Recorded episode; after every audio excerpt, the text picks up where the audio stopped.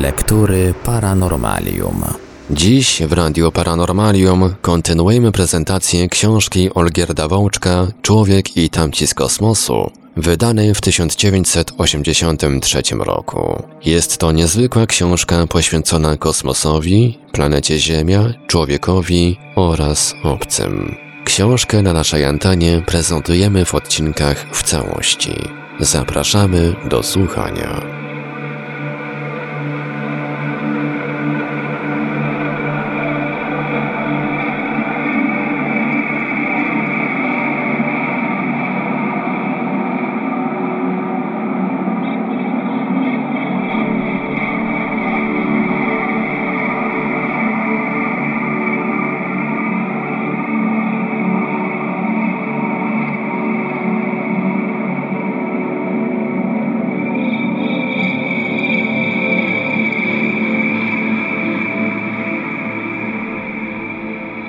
Tajemnice człowieczeństwa, tak niezwykłego na tle całej przyrody, nierozwikłaną dotąd przez naukę, próbują i próbowały od dawna tłumaczyć źródła pozanaukowe, przede wszystkim religijne. W Mojżeszowej Księdze Rodzaju czytamy Utworzył tedy Pan Bóg człowieka z mułu ziemi i tchnął w oblicze jego dech żywota i stał się człowiek duszą żyjącą. Oczywiście nikt rozsądny, nawet najgłębiej wierzący w istnienie i działanie Stwórcy, nie traktuje owego starodawnego tekstu dosłownie. Bóg, zgodnie z teologią, unika cudów, a postępuje w jak najszerszym zakresie według ustalonych przez siebie praw, unikając ich zawieszenia czy chwilowego przekreślenia.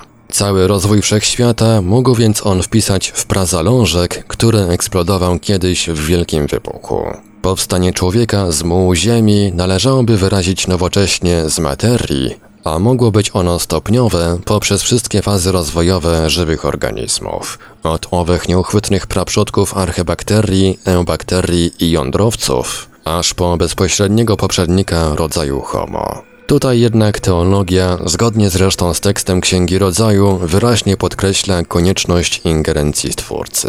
Według poglądów wyznawców religii nie tylko mojżeszowej, chrześcijańskiej i wielu innych, ba nawet staroegipskiej, człowiek nie składa się wyłącznie z ciała, jak zwierzęta, ale jeszcze z połączonej z nim w jedną całość niezniszczalnej, nieśmiertelnej duszy, stanowiącej specyficzny twór Boży.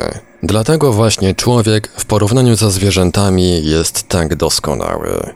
Nauka nie jest w stanie wypowiedzieć się w sprawie istnienia duszy, gdyż ta jest niematerialna, i dlatego jakiekolwiek poszukiwania jej i próby badania metodami fizycznymi byłyby bezprzedmiotowe. Niemniej jednak obowiązkiem nauki jest poszukiwanie odpowiedzi na pytanie o przyczyny odmienności człowieka od najdoskonalszych zwierząt, powody występowania przepaści między nim a kategoriami taksonomicznymi bezpośrednio go poprzedzającymi na drabinie ewolucyjnej. Jakby w sukurs wszystkim, którzy odrzucają wiarę w istnienie duszy ludzkiej, przychodzą współczesne tłumaczenia powstania człowieka dzięki interwencji kosmitów. To oni przylecieli kiedyś na błękitną planetę i swym niezwykłym działaniem przekształcili małpoludów w istoty ludzkie. Bardzo pięknie pokazał to Arthur Clarke w swym głośnym i wspaniałym filmie fantastyczno-naukowym 2001 Odyseja Kosmiczna. Jednakże jest to oczywiście tylko baśń futurologiczna. Prawdą jest, że nie dysponujemy ani jednym prawdziwym naukowym dowodem, który by świadczył o wizycie kosmitów na Ziemi. Ani rzekome lądowiska na płaskowyżu peruwiańskim Nazca, ani w Baalbek, ani egipskie piramidy, ani posągi na Wyspie Wielkanocnej, czy rusynki skalne i liczne inne twory dawnych kultur nie mają nic wspólnego z jakimiś przybyszami spoza naszej planety. Archeolodzy nie sprzysięgli się przeciw kosmitom. Byliby szczęśliwi, gdyby mogli udowodnić ich istnienie i udokumentować odwiedziny na naszym globie, ponieważ dokonaliby wiekopomnego odkrycia, które utrwaliłoby ich nazwiska złotymi zgłoskami w historii rodu ludzkiego. Istnieje dziś wiele prac naukowych opartych na niezbicie stwierdzonych faktach, które ukazują nam prawdę, a nie pobieżne życzenia mitomanów. Prac takich jak choćby polska rozprawa o cyklu inwestycyjnym piramid egipskich. Wiara w ingerencję kosmitów to tylko przeniesienie interwencji Boga na niższy szczebel. Zamiast niego mieli zadziałać działać bogowie gwiezdni, którzy nie wszczepiali wprawdzie dusz w istniejące ciała, lecz wykonali na nich odpowiednie manipulacje fizyczne, czy raczej psychiczne. Jest taka książka znanego literata amerykańskiego Chifforda Seymaka The City. Miasto. Można by ją nazwać kroniką rodów. Ludzi, którzy upadli i odeszli, i psów, które zajęły ich miejsce. Istot inteligentnych na ziemi. Lecz epopeja kończy się pojawieniem następców, myślących mrówek. Książka nie jest jednak tylko taką sobie zręcznie napisaną historyjką fantastyczną. Cechuje ją wielki humanizm, a jej lektura pobudza do wielu refleksji. Czy rzeczywiście miejsce człowieka kiedyś, w bliższej czy dalszej przyszłości zająć może pies, a potem owad? O mrówkach od wielu dziesiątków lat krążą legendy.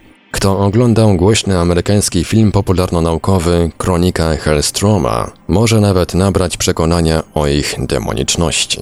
W istocie osiągnięcia mrówek wiążą się ze sprawnością krążenia informacji. Rzecz, na którą mówiąc o nowoczesnym społeczeństwie ludzkim, już w roku 1920 zwrócił uwagę George Herbert Wells w swojej znanej historii świata. Wówczas brzmiało to podejrzanie nowocześnie, przyjmowane było przez humanistów zwłaszcza jako nieco powieściowa futurologia. Dziś jednak zdajemy sobie sprawę z tego, iż warunkiem funkcjonowania społeczeństw jest możliwość prawidłowej i dostatecznie szybkiej wymiany informacji między ich członkami. Mrówki wynalazły co najmniej trzy systemy przekazywania informacji: chemiczny, dźwiękowy i dotykowy. Wydzielają specjalne substancje zwane feromonami, które są przez te owady wykrywalne nawet w zupełnie znikomych stężeniach i w obecności innych związków chemicznych. Dźwięk wydają korzystając z tak zwanego aparatu strydulacyjnego albo po prostu przez stukanie. Informacje wymieniają też dotykiem, posługując się mową czułków.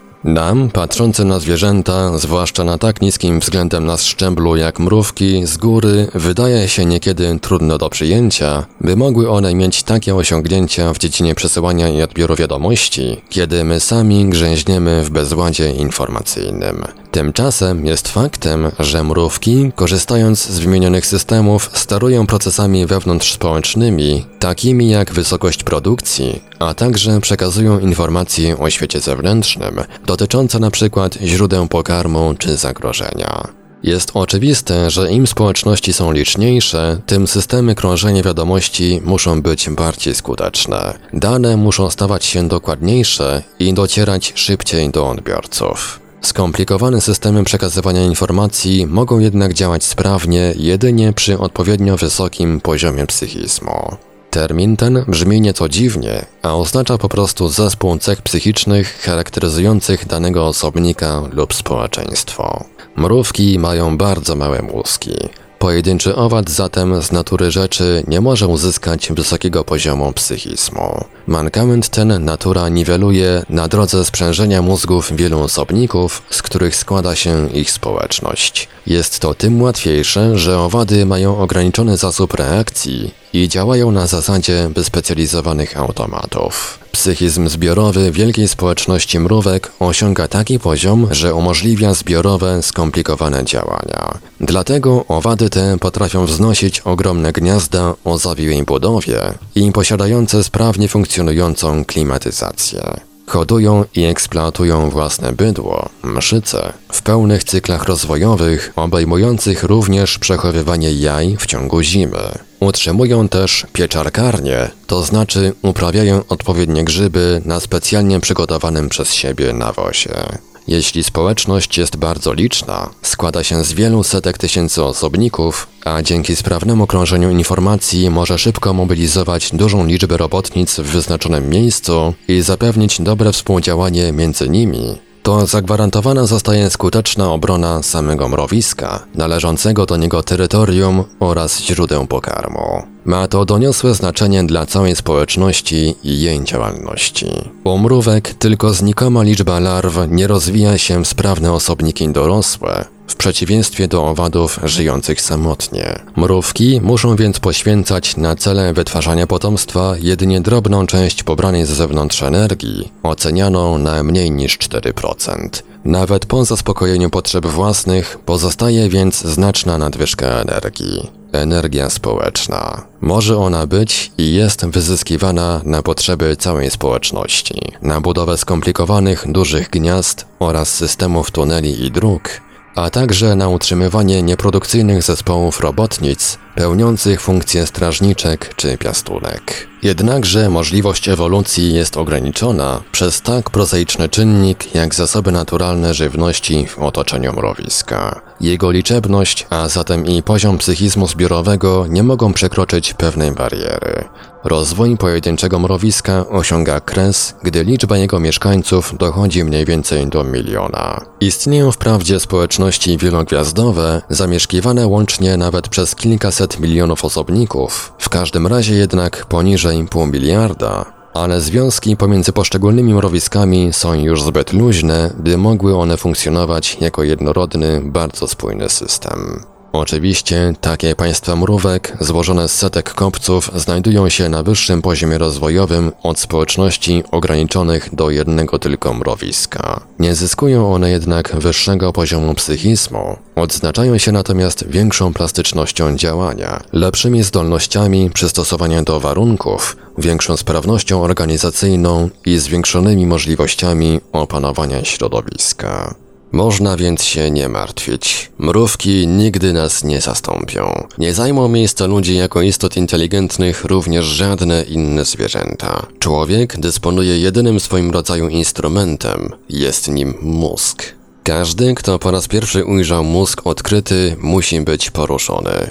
Na pierwszy rzut oka przypomina połówkę jakiegoś olbrzymiego, białawego i miękkiego orzecha włoskiego. Wrażenie to wywołują ogromnie rozwinięte półkule, których powierzchnia tworzy liczne bruzdy i zwoje o zawiłym rysunku. Ten specyficzny relief wytworzony został wskutek wyjątkowego rozrostu w porównaniu z mózgami nawet najbliżej z człowiekiem spokrewnionych zwierząt, tak zwanej nowej kory. Warstwa ta, choć podobnie jak kora drzew znajduje się na zewnątrz, nie spełnia żadnej roli ochronnej. Odwrotnie, Sama musi być starannie chroniona oponami, otaczającym ją płynem i twardymi kośćmi czaszki. Nowa kora stanowi bowiem najcenniejszą część mózgu człowieka. Jest zespołem najwyższych ośrodków nerwowych, czuciowych, ruchowych, kojarzeniowych. Jak to się stało, że ludzie zyskali w toku ewolucji żywej materii tak wspaniały narząd umożliwiający im myślenie, tworzenie cywilizacji i kultury? Powstał on jakby nagle, w bardzo krótkim w kosmicznej skali czasu okresie, gdzieś 100 czy 150 tysięcy lat temu, jako podstawowe wyposażenie nowego gatunku, człowieka mądrego, o prawie trzykrotnie większej masie niż u najdoskonalszych małp. Było to przejście przygotowane przez istnienie fazy pośredniej, Homo erectus, człowieka wyprostowanego, którego mózg był już mniej więcej dwa razy cięższy niż małp człowiekokształtnych, ważąc około kilograma. Oczywiście rozmiary, masa były rzeczą wtórną w porównaniu z architekturą i funkcjami narządu.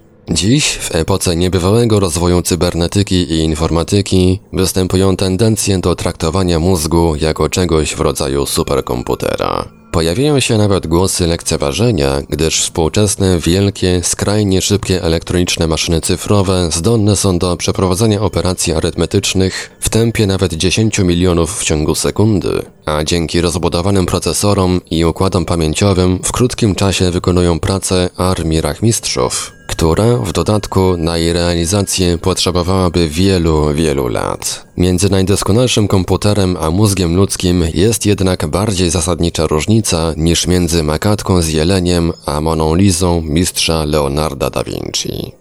Elektroniczna maszyna cyfrowa zdolna jest do wykonania tylko takich operacji, jakich została nauczona przez człowieka. Bez oprogramowania wykonanego przez jej twórcę i pana, maszyna stanowi tylko pustą konstrukcję z metalu i sztucznego tworzywa. Kiedy zaś natchniemy ją myślą ludzką, potrafi wprawdzie nawet komponować i uruchamiać zespół instrumentów, odtwarzając własne dzieła, ale nie mogą one unieść się ponad poziom tego, co w nią włożono. Komputer nie ma tego, co nazywamy iskrą bożą, inwencją twórczą, intuicją, co stanowi wyłączną cechę człowieka, co go też tak zasadniczo różni od zwierząt.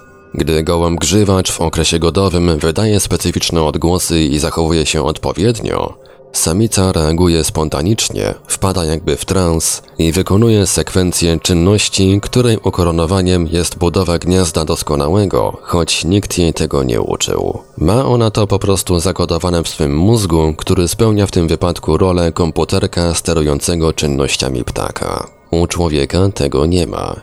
Tworzy on arcydzieła literatury, malarstwa i architektury, Cudowne wynalazki umożliwiające mu podróże w głębiny oceaniczne i loty na inne planety, pomniki myśli wznoszącej się daleko poza materię jego ciała, właśnie dlatego, że nie jest, nie został zakodowany.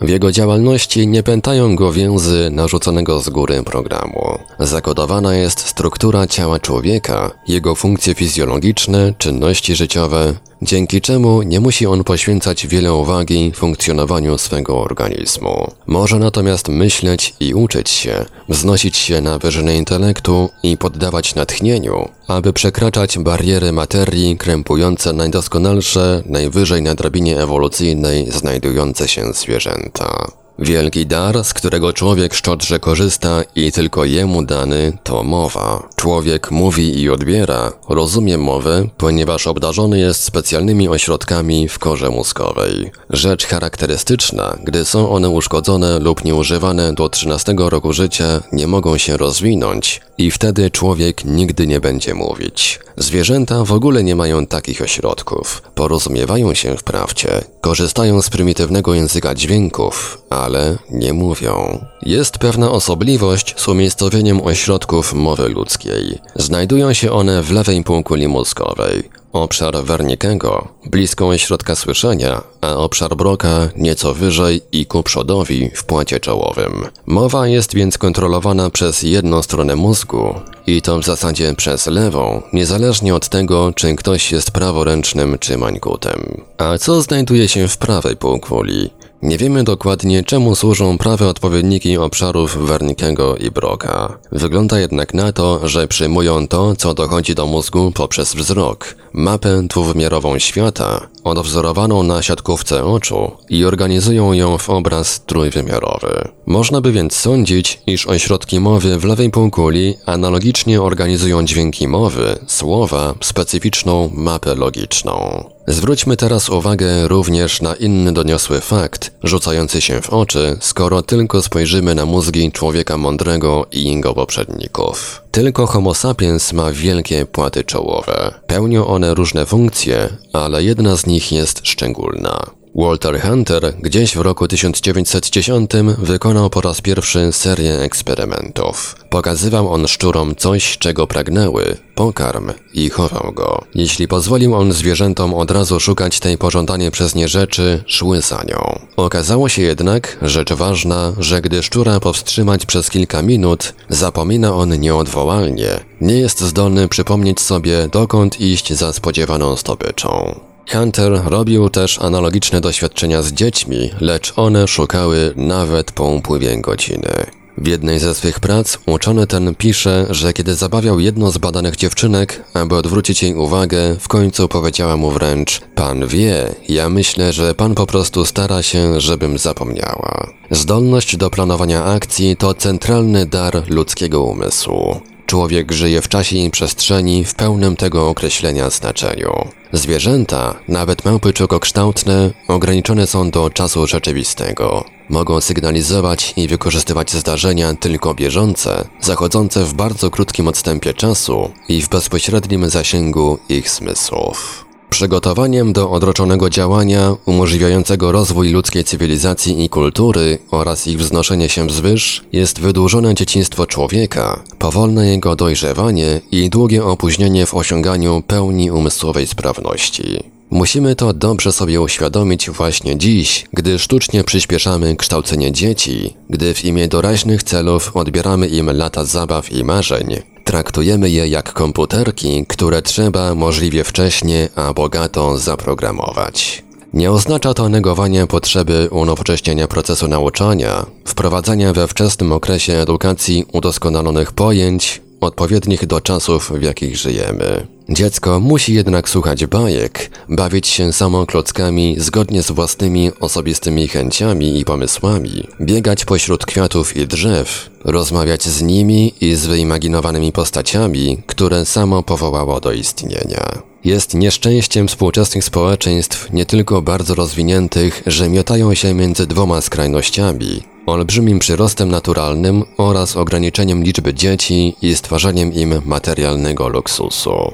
Dzieci są przyszłością świata i bez nich nie będzie ludzkości. Dlatego też trzeba je przygotować do podjęcia zadań, które w latach, jakie nadejdą, będą może jeszcze cięższe niż to, co nam wypadło dźwigać na swych barkach. Jest złudzeniem, że nasi potomkowie będą lepiej przysposobieni do działania, jeśli wykształcimy ich i wychowamy jako odbicie nas dorosłych. Mamy wiele przykładów z przeszłości. Kultury starożytnego Egiptu, Chin, Indii, nawet średniowiecznej Europy popełniły ten grzech, ograniczając imaginację, fantazję. Następowało zasklepienie, zamieranie postępu, intelektualny, a potem i materialny upadek. Wielkim darem natury, który umożliwił rozwój człowieka, są jego ręce.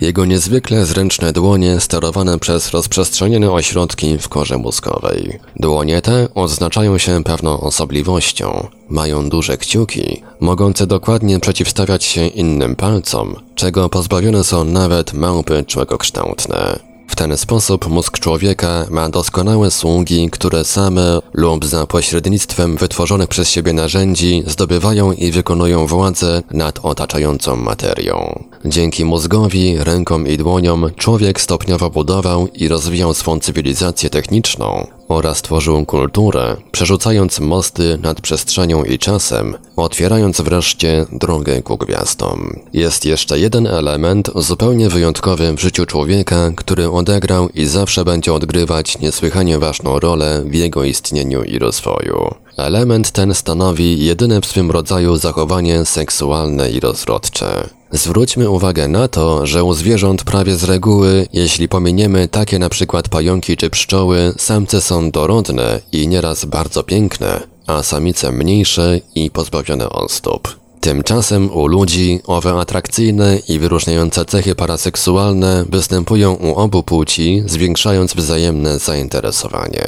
Jednocześnie istnieje nieustanna zdolność rozrodcza, a nie tylko jeden doraźny, stosunkowo krótkotrwały okres kodowy, co zwiększa znacznie szanse uzyskania potomstwa i sprzyja powstaniu trwałych więzi i monogamii, a więc związkowi małżeńskiemu z jednym wybranym partnerem. Jakub Bronowski, znany uczony angielski polskiego pochodzenia, nadzwyczaj interesująco naświetlił cały ten problem, zwracając uwagę na to, że wśród zwierząt samice przypadają z reguły najsilniejszym lub najprzebieglejszym samcom. Człowiek natomiast obrał bardzo zmodyfikowaną, właściwie inną metodę selekcji. Wybiera on na żonę nierzadką kobietę odpowiadającą mu poziomem intelektualnym. Jeśli zaś taka metoda wyboru partnera na podstawie uzdolnień, umiejętności i poziomu umysłowego była stosowana od milionów lat, jej wynikiem musiał być szczególnie szybki rozwój człowieka, jego wznoszenie się wzwyż. Gdyby wszakże był to jedyny ważny czynnik selekcyjny, powinniśmy być bardziej jednorodni. Dlaczego jednak jesteśmy tak różni? Bronowski sądzi, że decydujący wpływ miała na to nasza kultura,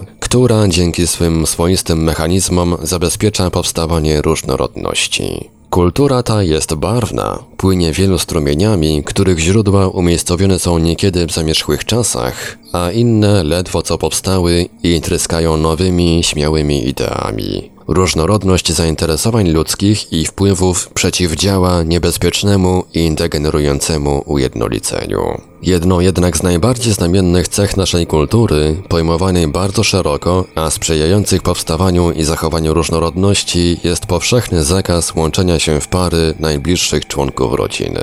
Zakaz ten, motywowany dawniej racjami religijnymi, znalazł w naszych czasach głębokie uzasadnienie naukowe. W związkach blisko spokrewnionych ze sobą osób łatwo spotykają się ukryte, a szkodliwe cechy dziedziczne i ujawniając się w potomstwie zmniejszają jego szanse życia i przeżycia. W starych rodzinach arystokratycznych, gdzie przełamywano lub obchodzono zakaz kojarzenia bardzo bliskich członków rodziny, chcąc zachować własną błękitną krew, Pojawiały się też różne zniekształcenia i choroby dziedziczne, chociażby takie jak krwawiączka, czyli zanik krzepliwości krwi, prześladująca m.in. hiszpańską familię królewską. Nasza różnorodność wiele też zawdzięcza monogami, która stawia tamę swobodnemu mieszaniu się i wyrównywaniu, obezwładniającemu ujednoliceniu. Życie nie w gromadzie, lecz w bardziej lub mniej oddzielonych od siebie rodzinach to jedna z wielkich zalet współczesnej kultury człowieka, zapewniających istnienie i rozwój wielu najróżniejszych jej ognisk.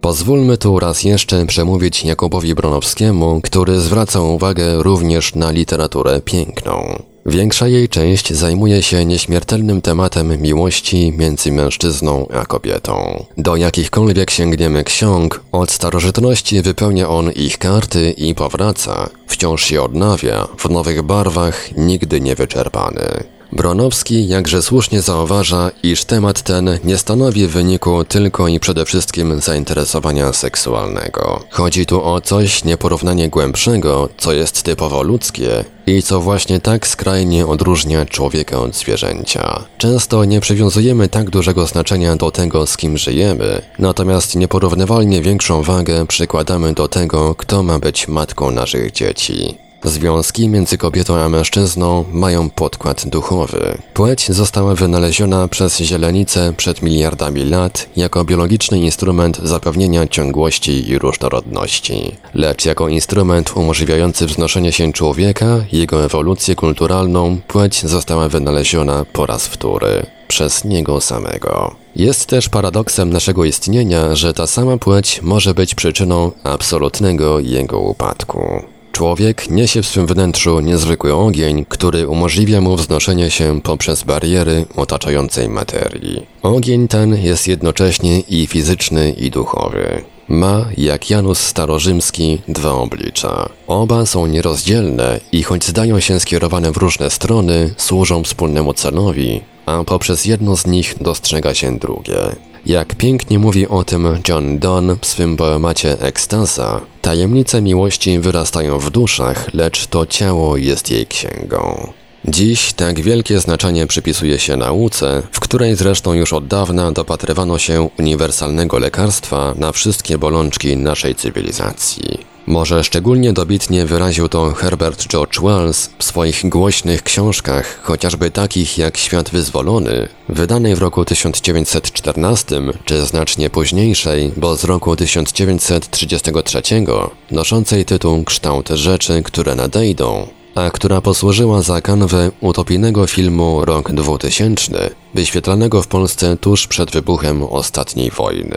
Wizja uczonych rządzących światem mocno jednak zbladła w naszych oczach. Nauka, w sensie wiedzy ścisłej, badającej fragmenty materii, często zapomina o człowieku, o jego prawdziwym wymiarze. Bronowski zwraca uwagę na to, że nie wolno więcej traktować tylko jako kroniki faktów, uporządkowanego ich zbioru. Uważa on, że nauka przede wszystkim jest odpowiedzialna za nasze scalenie, głównie jako istot etycznych, a zatem uznających pewne zasady moralne. Jest to jeszcze jedna z podstawowych cech odróżniających nas od zwierząt, które jedynie w bardzo prymitywnych społeczeństwach obarczane są winą za swoje czyny. Jakkolwiek spojrzymy na nasz rozwój, na naszą cywilizację i kulturę, musimy się zgodzić, że wiedza ścisła, dająca się ująć w karby matematycznych sformułowań, to tylko fragment naszej działalności, niesłychanie ważny, mający tak doniosłe znaczenie nie tylko dla naszej teraźniejszości, ale i przyszłości, pomimo wszystko jednak fragment, podobnie zresztą jak technika, jak sztuka, jak inne jeszcze dziedziny. Wyłoniliśmy się ze strumienia życia owych 100 czy 150 tysięcy lat temu, kiedy napierały północne lody i po długotrwałym przygotowaniu rozpoczęliśmy stale przyspieszane wspinanie się ku niebotycznym wyżynom. Dziś, kiedy otwarliśmy szlaki wiodące poza Ziemię, w daleką przestrzeń kosmiczną, poczuliśmy nagle, jak podstawy, na których spoczywa nasza cywilizacja i kultura, drżą. Powinno nas to skłonić do głębszego zastanowienia się, ale nie wywoływać pesymizmu ani tym bardziej paniki. Gdybyśmy byli tworem kosmitów, ich podobiecznymi, jednym z ich ogrodów zoologicznych, dawno by wprowadzili oni u nas porządek. Tymczasem jesteśmy zdani na własne siły, które bynajmniej nie są małe. W przyszłość możemy wstępować jednak tylko jako pełni ludzie, nie jako bezduszni technokraci, ani bigoci nauki, ani szaleńcy pseudoawangardy sztuki. Musi nas cechować nie jedynie wielki rozum, który jest naszą ozdobą i światłem, ale przede wszystkim głębokie rozumienie drugiego człowieka, jego wszystkich prawdziwych potrzeb. Tylko tak bowiem, wytyczając szlaki ku gwiazdom, otworzymy je całej ludzkości, umożliwiając wzniesienie się całej cywilizacji i kultury na wyższy kosmiczny poziom. Będziemy jako bogowie. Wpierw były to dziecięce lektury. Jak dziś pamiętam dość niefrasobliwe bajki o robotach i ludziach wyprawiających się poza Ziemię. Dużo było tam bohaterstwa, samotnych zmagań z trudami podróży kosmicznych, nie z pułapkami nieważkości, ciasnotą pomieszczeń statków załogowych, odosobnieniem i głodem informacyjnym, lecz po prostu z takimi samymi normalnymi przeszkodami, na jakie natrafia każdy, tyle że w dalekiej przestrzeni. Ludzie byli na miarę zadań, wielcy i szlachetni. Trafiały się też czarne charaktery, ale były to łotry wyjątkowego formatu. Bohaterowie działali samotnie. Jeszcze dziś widzę siebie siedzącego o zachodzie słońca przed odosobnioną sosną o malowniczej sylwetce na szczycie Krynickiej Góry Krzyżowej i wpatrującego się w ledwo dopiero pojawiające się nikłe światło gwiazd. Oczyma wyobraźni wywoływałem wśród nich obraz Welanda Gorma z dopiero co przeczytanej powieści Dziedzictwo Uranidów, który władzom angielskim zadał niezwykłą łamigłówkę. W dniu 28 lutego wystartowała z Wielkiej Brytanii pierwsza rakieta załogowa na Księżyc i nie powróciła. 14 marca w londyńskim Hyde Parku znaleziono na ławce pięciu nieżywych mężczyzn, którzy wkrótce okazali się zaginionymi członkami ekspedycji na Srebrny Glob. Policja brytyjska nie wiedziała, że sprowadził ich stamtąd po katastrofie, w której zginęli z zimna pojedynczy bohater, Weyland Gorm, korzystając z własnej, w tajemnicy zbudowanej przez siebie rakiety. Były też obrazy bardziej urealnione, które wryły mi się w pamięć, kiedy na przykład oglądałem Wellsowski rok 2000. Anglia zniszczona przez bezsensowną Wielką Wojnę, ruiny Londynu, wśród których snują się jacyś wyręcniali ludzie i pojedyncze świnie, Przylot ogromnych dwukadłubowych samolotów z niezmiernie odległego kraju z tymi, którzy przenoszą znów cywilizację i odbudowa miasta pod ogromną, przeźroczystą kopułą, umożliwiającą stworzenie łagodnego i niezmiennego klimatu. I znów ludzie chcą lecieć na księżyc. Tym razem para młodocianych śmiałków, mężczyzna i kobieta, lecz ma to być akt bohaterstwa. Przy istniejącym stanie techniki nie jest możliwe, by mogli wznieść się jako zdobywcy przestworzy. Mają zostać wysłani w uśpieniu, zamknięci w metalowej kapsule, która łacno stać się może kosmicznym sarkofagiem. To też w mieście wybucha bunt. Tłum spieszy przeszkodzić wyprawie. Lecz nie zdąża. Rakieta startuje w ostatniej chwili. Minęła wojna, pokończyliśmy studia, a ja wciąż myślałem o kosmicznych podróżach. W roku 1954 wysłałem do redakcji problemów artykuł Świt kosmonautyki. Opisałem w nim m.in. sztuczny księżyc jako stację kosmiczną stanowiącą nieodzowne, podstawowe ogniwo systemu wykorzystania przez człowieka przestrzeni międzyplanetarnej. Ów księżyc, zbudowany tam na orbicie okołoziemskiej z fragmentów wysłanych wcześniej z powierzchni naszego globu, miał służyć jako lotnisko kosmiczne, warsztaty remontowe, stacja zaopatrywania w materiały pędne, ośrodek badawczy, a także jako szkoła przyszłych pilotów prowadzących statki w rejsach ku innym planetom. Pierwsze sztuczne satelity, wbrew powszechnemu przekonaniu o małej realności lotów kosmicznych, wzniosły się na orbity okołoziemskie już w roku 1957. Stacje kosmiczne, wprawdzie jeszcze nie tak rozbudowane jak opisywane przeze mnie na łamach problemów, zaczęły obiegać naszą planetę w latach 70. Jesteśmy świadkami niebywałego rozwoju astronautyki. Co roku w przestrzeń okołoziemską i na orbity międzyplanetarne startuje z górą 100 obiektów. Loty załogowe odbyło już ponad 100 ludzi. Niektórzy, jak Robert Young, znaleźli się poza Ziemią nawet pięciokrotnie. Inni, jak Valery Rjumin, przebywali w przestrzeni prawie przez cały rok. Próbniki wysyłane z powierzchni naszego globu pokonują odległości setek milionów i miliardów kilometrów. Osiadają na pustynnych obszarach Marsa pokrytych czerwonawym pyłem, lądują w piecu Wenus pod miażdżącym płaszczem gęstej jej atmosfery. Inne docierają już do Saturna, przekazując zdumiewające obrazy setek obrączek jego pierścieni i zlodowaciałych, zrytych kraterami powierzchni jego księżyców. Z górą 10 lat temu ludzie poważyli się nawet wyprawić na Księżyc. Nie były to jednak samotne eskapady śmiałków, którzy by sami skonstruowali statki przerzucające ich przez groźną pustkę przestrzeni międzyplanetarnej.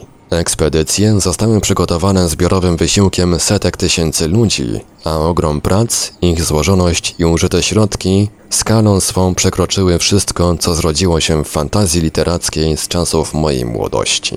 Gigantyczne hale montażowe o kubaturze 3,5 miliona metrów sześciennych, platforma gąsienicowa do przewożenia rakiet nośnych na wyrzutnie, mająca udźwig ponad 8 milionów kilogramów, i wyposażona we własną elektrownię o mocy ponad 5 MW, a także same rakiety Saturn o wysokości łącznie ze statkiem księżycowym Apollo aż 111 metrów. Oto tylko niektóre przykłady rozmiarów przedsięwzięcia a jednocześnie przestrzeń okołoziemską spięły sieci satelitów użytkowych. Same tylko obiekty łącznościowe, zawieszone na orbitach geostacjonarnych nad Atlantykiem, umożliwiają obecnie jednocześnie prowadzenie ponad 40 tysięcy rozmów między abonentami w Europie i Ameryce. A tymczasem przepustowość kabli podmorskich jest aż dziesięciokrotnie mniejsza.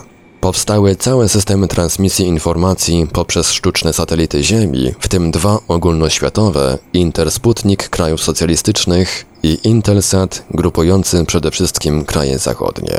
Inne systemy specjalnych obiektów usprawniły niesłychanie nawigację morską i lotniczą. Nastąpiło znaczne udoskonalenie prognoz pogody, do których dane dostarczają coraz liczniejsze satelity meteorologiczne.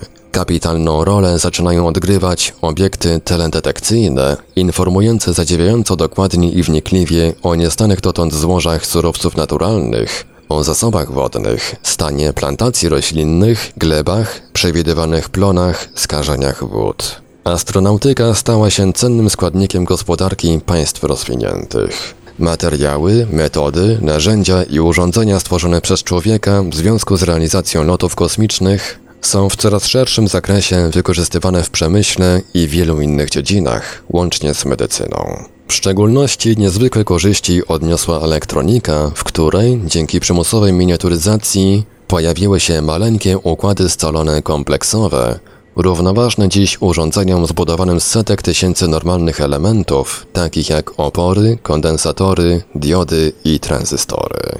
Dokąd jednak zmierzamy? Zryw był niezwykły. W ciągu 25 lat ery kosmicznej przerzuciliśmy mosty przez przestwór międzyplanetarny i zakotwiczyliśmy się w przestrzeni okołoziemskiej, wyzyskując ją na potrzeby naszego własnego globu. Czytając jednak prasę i słuchając głosu przeciętnego człowieka, można odnieść wrażenie, że nowość przestaje go interesować. Bliższe stały się mu dokuczliwe problemy dnia codziennego, wywołane rosnącymi niedoborami energii i surowców, niepokojami społecznymi, przyspieszonymi obrotami karuzeli zbrojeń.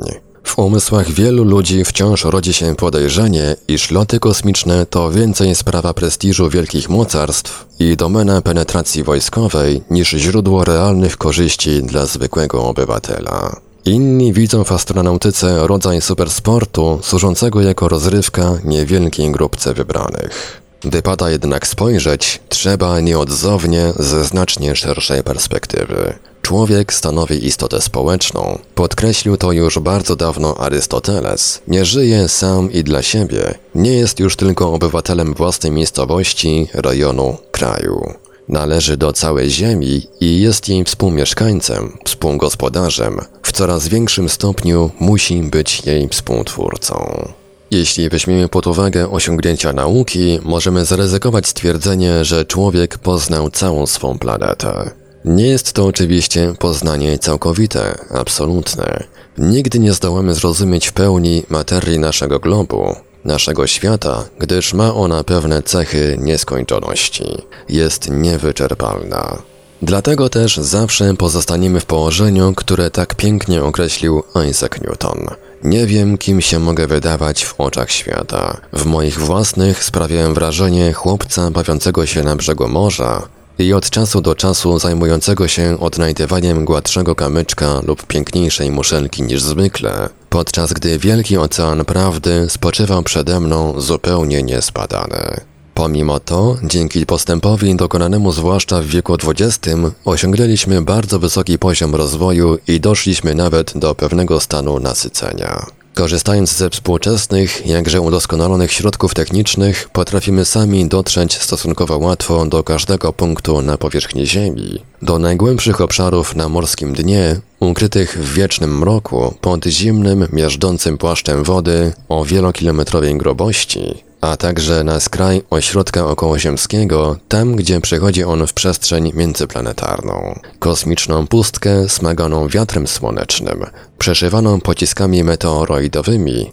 i skrajnie szybkimi jądrami pierwotnego promieniowania kosmicznego. Uzyskaliśmy też łączność praktycznie ze wszystkimi mieszkańcami naszego globu, nawet z tymi, którzy żyją jeszcze na poziomie epoki kamiennej, oddzieleni od współczesnej cywilizacji naturalnymi barierami. Do pewnego progu doszliśmy również na drodze wykorzystania surowców ziemi. Przeżywamy tak zwany kryzys energetyczny, którego podłoże jednak ma obecnie charakter raczej polityczny i ekonomiczny. Znane w tej chwili zasoby z pewnością wystarczą jeszcze na długie lata, może nawet do połowy przyszłego wieku.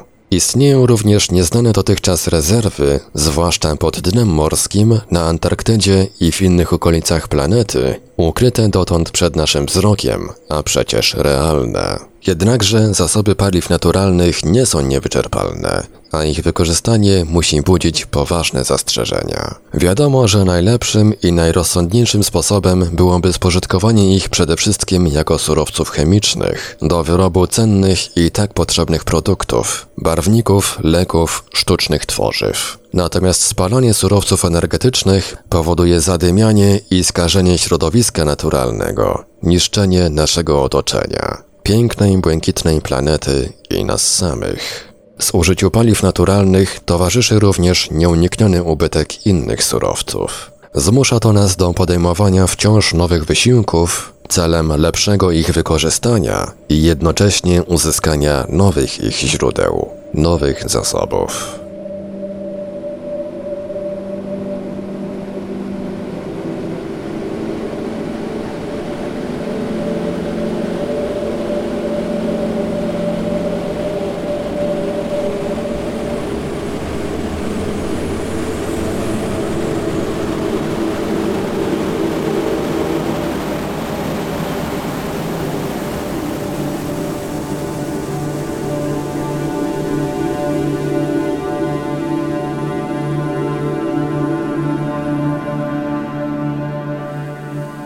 Radio Paranormalium zaprezentowaliśmy fragment książki Olgierda Wączka Człowiek i tamci z kosmosu, wydanej w roku 1983.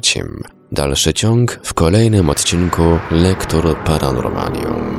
Archiwalne odcinki Lektur Paranormalium znajdziesz do pobrania w archiwum naszego radia na stronie www.paranormalium.pl.